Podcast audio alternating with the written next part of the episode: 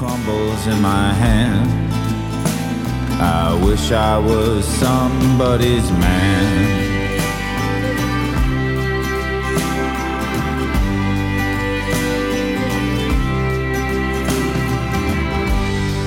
It's all.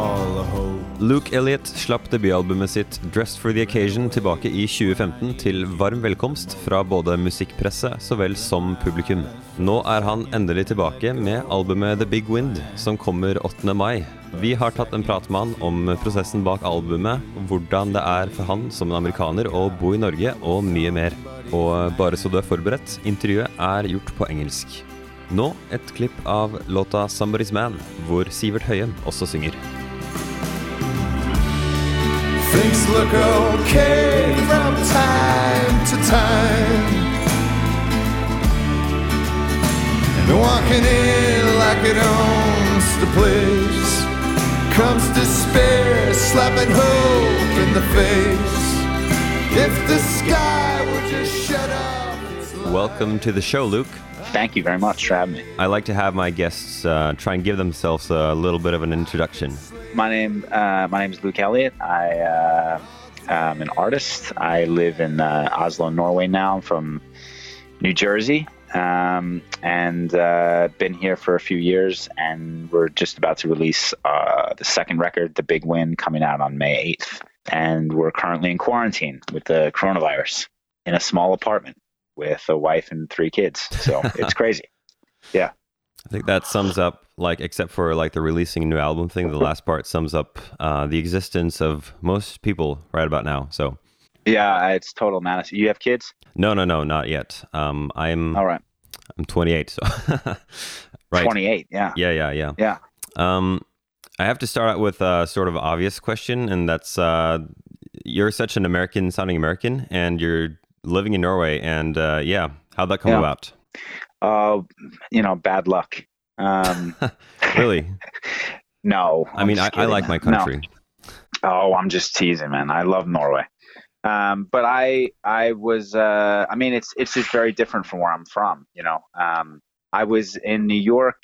Um, I just decided to, I just was just about to release my first EP, Provisions, and was in New York with my producer at a Jay Farrar show at City Winery. And, you know, uh, I was having a couple drinks and went backstage because there was more free alcohol back there. So I went back and ran into this this this short uh, this little short guy who you know was speaking a language I didn't understand, and uh, we just you know he turned over to me and asked me what I did. I said I was an artist, and all of a sudden we just hit it off. And the next thing I knew, he was writing on me uh, on that EP and uh, in Vega, and uh, you know he was the uh, the um, American correspondent for VG at the time. Um, and he oh, seemed right, to really like the record. right. Yeah, I'm sorry. Yeah, Vega. Um, he, you know, wrote really well about the record. We came over here to do a tour. Um, album did well. Next thing you know, um, I was uh, touring around the country, and, and things started to spread to Europe and back to the states. And then, you know, um, yeah, I just kind of kind of stayed. My, uh, you know, I got married. I met my wife on tour, who's Norwegian and uh, yeah, and now I live here. You know, so everything is is is based from Oslo. Right. So, uh, yeah, getting married to a Norwegian certainly would have an impact on the living situation, I guess. Yeah, yeah, absolutely. So, uh, how do you feel Norwegians respond to your um, style of uh, your, your your style of music? It's um, it's something that a lot of Norwegians would try to emulate, and here you are, just Mm. uh, delivering it naturally.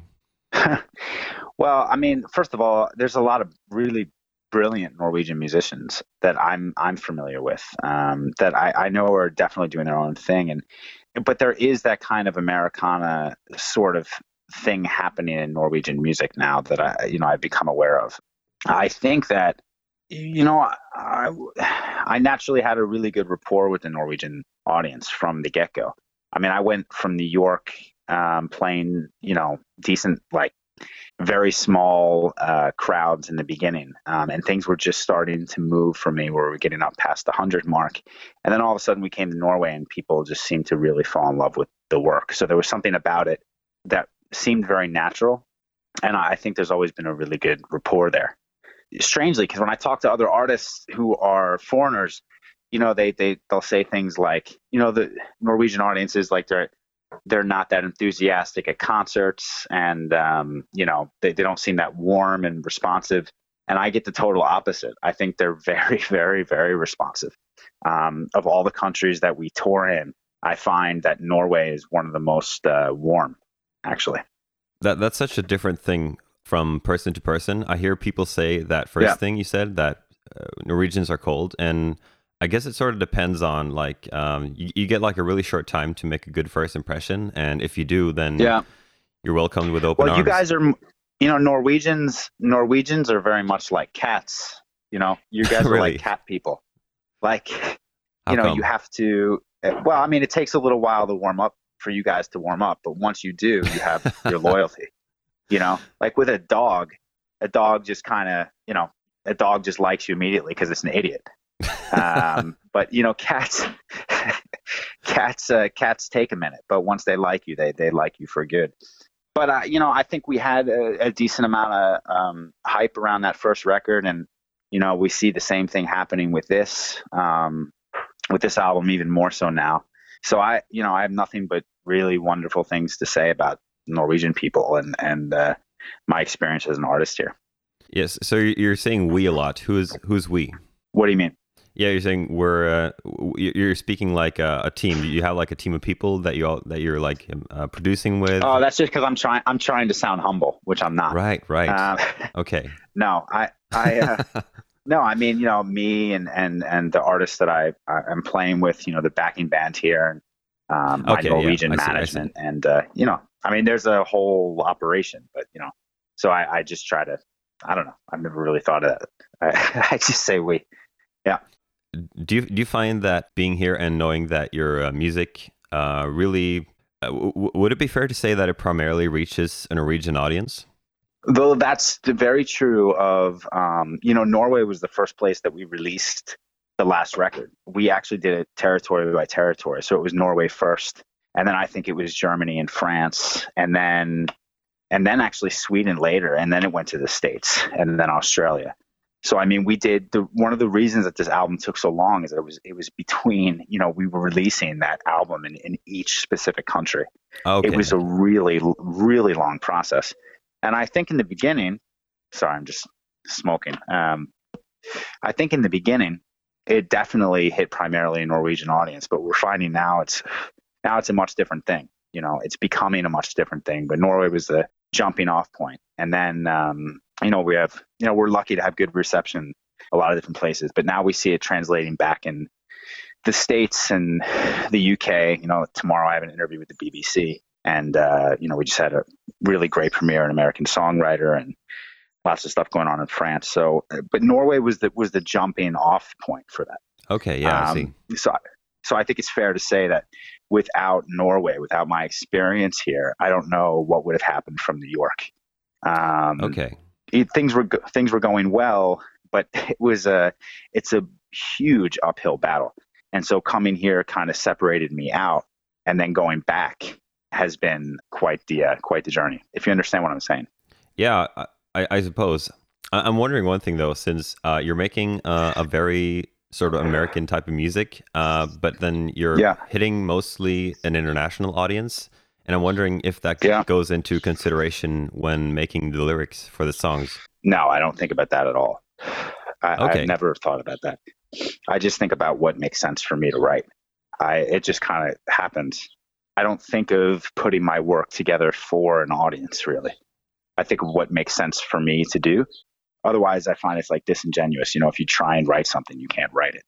Yeah, I, I, find it quite interesting how people have like these different, really set way, the, these different set ways that they make their writing work, and sometimes it's like mm. completely opposite from one person to the next. Like there are some people who le- legitimately can like fake writing emotions, and it comes off comes off well anyway. So yeah, I can't do that. Yeah. I, it's never been. Uh, I'm not able to to do that. If it, you know, the few times that I've tried to write like prescribed music or prescribed lyrics, um, you know, so I remember my publisher asked me to do something for a children's show. They were like, oh, you know, there's this there's this um, TV show starting out, and you know they need this children's theme song, and I wrote this song. and then hated the lyric and like finally tuned it to what I would like and sent it to the publisher and they sounded terrified. They were like, children will not like this, you know. they were I mean it was just like it was like something about like uh you know the end of the world and doom or something you know i mean i, I can't I, I don't seem capable of really finishing products that are not uh, don't have any kind of heart in them you know Yeah, yeah. So, um, your debut album, so to speak, uh, "Dressed for the Occasion," came out in uh, '15, and uh, yeah, here yeah yeah, here. So, w- when was it first released? It was first released here. 2015 Yeah, Mhm. yeah, yeah. Okay, so it's been spread out th- uh, through like uh, 16 and 17 right. Okay, okay, th- then that makes sense. So, th- Yeah. is is that like the main reason there's been this gap? Well, I mean, that's one of the reasons there was a gap. I mean, the, the record, in theory, should have been, this record should have been out in 2018, but I mean, it's been a complete logistical mess. I mean, I, I got married, I changed management, I went back to a management, um, you know, in between record companies. There were a ton of logistic problem, logistical issues. Um, there was no money. Then there was money. Then I spent the money. You know, I mean, it was really, it was it, it was really complicated uh, getting this getting this right. And we finished this album uh, a year ago, so the album's been been ready. The issue has been how we're releasing it. You know, we wanted to make sure it was right, and uh, we decided that during the coronavirus was the, the perfect time to launch a record. So, you know, it just uh, it just so happens that like you know, fate had it that like we we had scheduled the release um, and we were ready to go and i'm supposed to be in like berlin right now and you know i didn't feel like pushing it back anymore i mean I, I see a lot of artists are not releasing records right now you know and that makes a lot of sense because they can't tour on it but i felt like this record had been delayed far too long and i Okay, can't yeah. couldn't imagine pushing it to the fall i mean it just it would have been too much for me to bear to not have this record out You're lucky you're in such um like a timeless genre. Like it doesn't matter that it's from 2019. No, nobody's going to be able to tell. Yeah, well, I guess that's a compliment. So thank you. Uh, yeah, I, I guess it is. Yeah. yeah, whatever. Yeah, Um. So your new album is coming up on the 8th of May. It's called The Big Wind. And uh, so, so first of all, Yeah. that that title uh, is intriguing. So from where does that derive? yeah. I actually posted something on on Facebook uh, and Instagram yesterday about it. That I, I was researching um, disasters, like natural disasters, for this album, Naturally. and I naturally, right? Yeah. Well, I, I just I just happened. To, I mean, I I found this poem, um, "Big Wind" by Theodore Roethke, and it's about a huge windstorm in Ireland in 1839. It just totally wiped out, you know, a huge population and, and left a lot of people homeless. And there's something about that that piece that really resonated with me, and um, I decided to.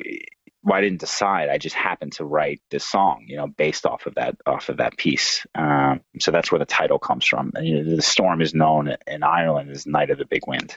Oh, right, right. So d- does that coincide with uh, a story or theme that's going through the album? Well, I, um, I mean, change. I think is a is a big part of this record, and kind of, uh, yeah. I, I mean, I think so. I mean, you know, because things have been, yeah. I hate to say it, it's you know, no pun intended, but you know, stormy. I mean, it's it's it's been it's been kind of a really rocky ride from 2015 to here.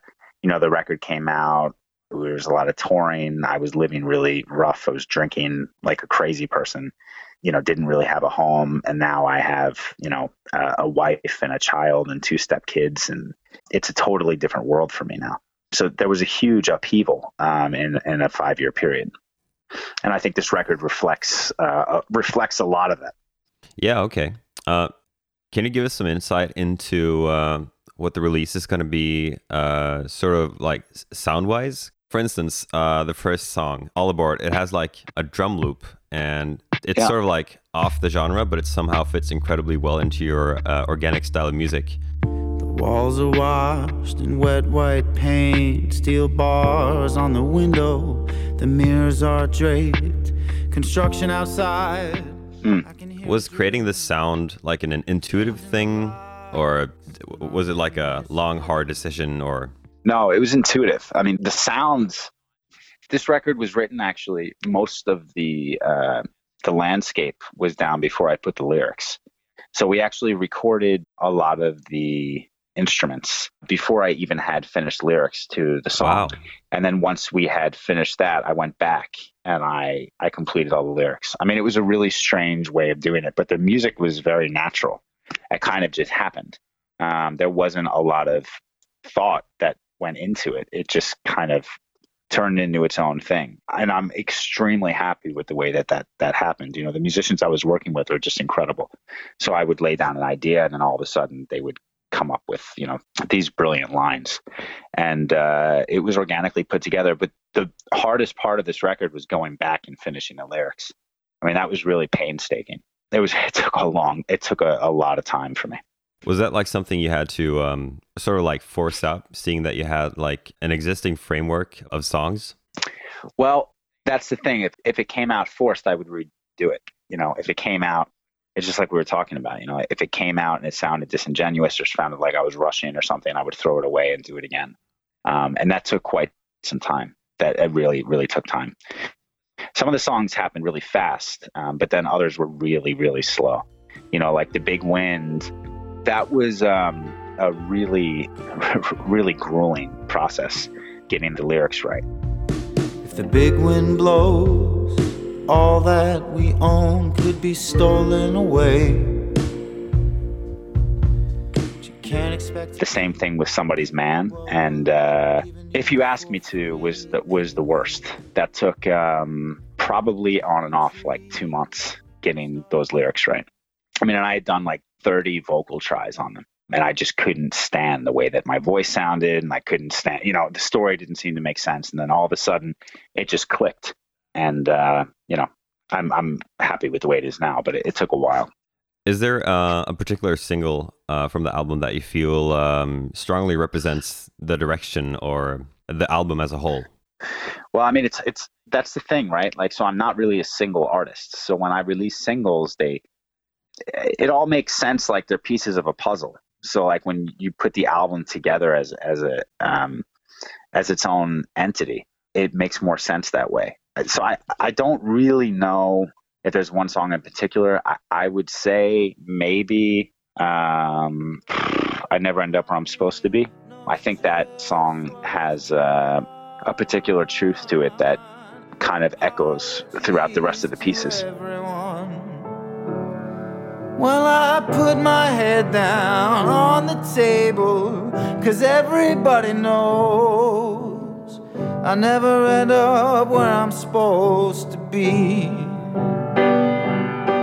Maybe. I don't know. Just off the top of my head. Yeah. So, uh, just um, if I'm uh, remembering this right, is uh, that's not out yet? No, no, no, no. Right. No, okay. it's not out yet. So no, people haven't heard it. Um, what are your plans looking like now? Are you like optimistic, all things considered?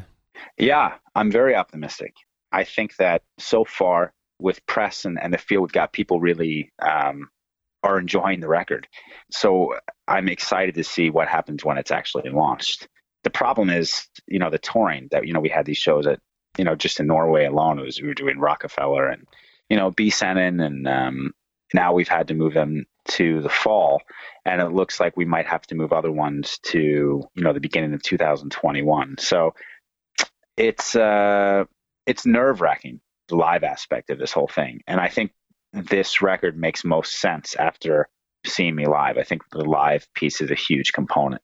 So we're still trying to figure out how to do that. We, we did that live stream um, a couple weeks ago in Oslo for Corona Rolling, which was uh, fabulous. You know, it was a really good experience, and I was really happy with the way it came out. But it's different not being able to sit in front of an audience and actually get their feedback. You know what I mean? Yeah, yeah, yeah. Um, so there's sadness that I'm not going to be able to sit and physically sign records for fans um, and you know all over the world. But I actually on the 8th of May, the day the album comes out, because I'm supposed to be, I think in London, but I can't be. So we're going down to Halden, um, which is where we cut the album, and there's a record store there, and we'll be doing signing. And uh, people will be keeping several meters away from each other, and I'll have to wear gloves.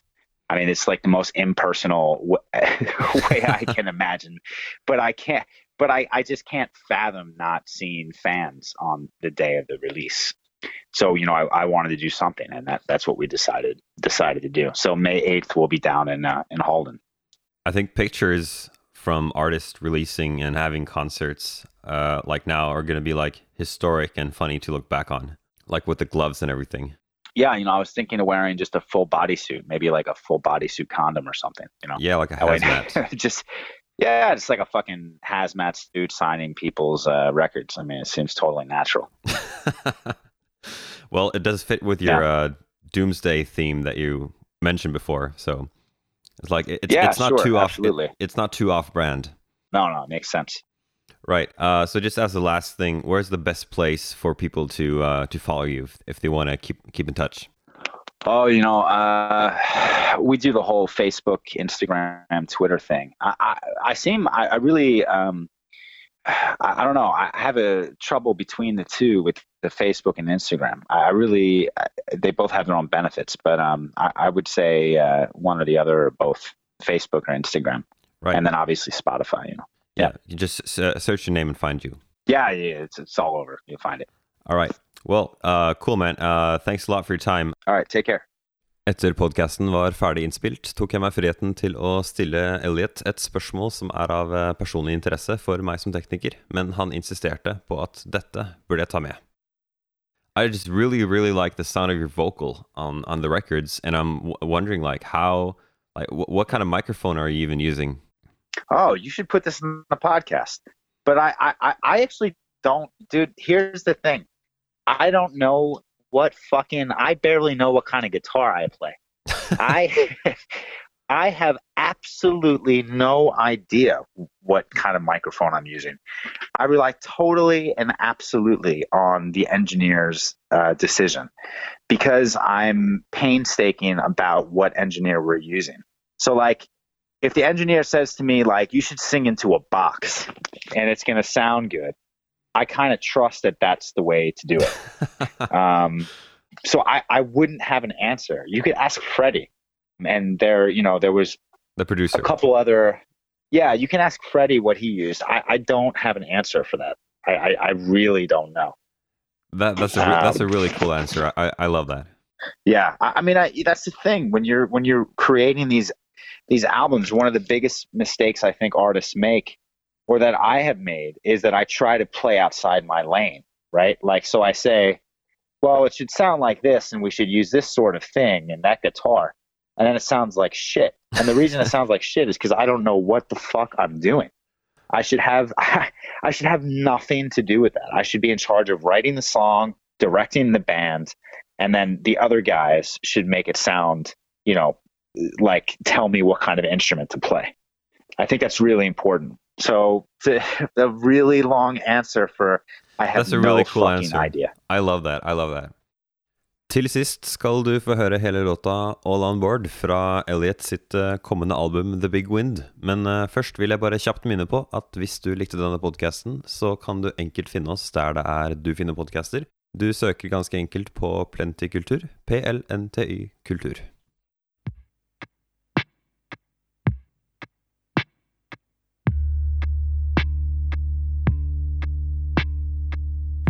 Walls are washed in wet white paint, steel bars on the window, the mirrors are draped. Construction outside, I can hear a drill. They're changing the locks, but I'm in here still. You were here yesterday, today you left. A neighbor came to the door, but I wasn't dressed. Talk radio, bad news all over the place. Put your head back on the pillow, the blanket over your face. We're all on board. We're All on board. We're all on board. Things look different now, they don't anymore. Under my bed, in a shoebox, next to old newspapers, forgotten letters and socks. What was made for many has been enjoyed by a few. Into my magazine comes a clip, I put it in just for you. I hear sirens, helicopters, and screams. A canine barks, everyone is here just for me. Even if you're good, you won't make it out of here alive. Is there anything you can do? Said the poet to his guy.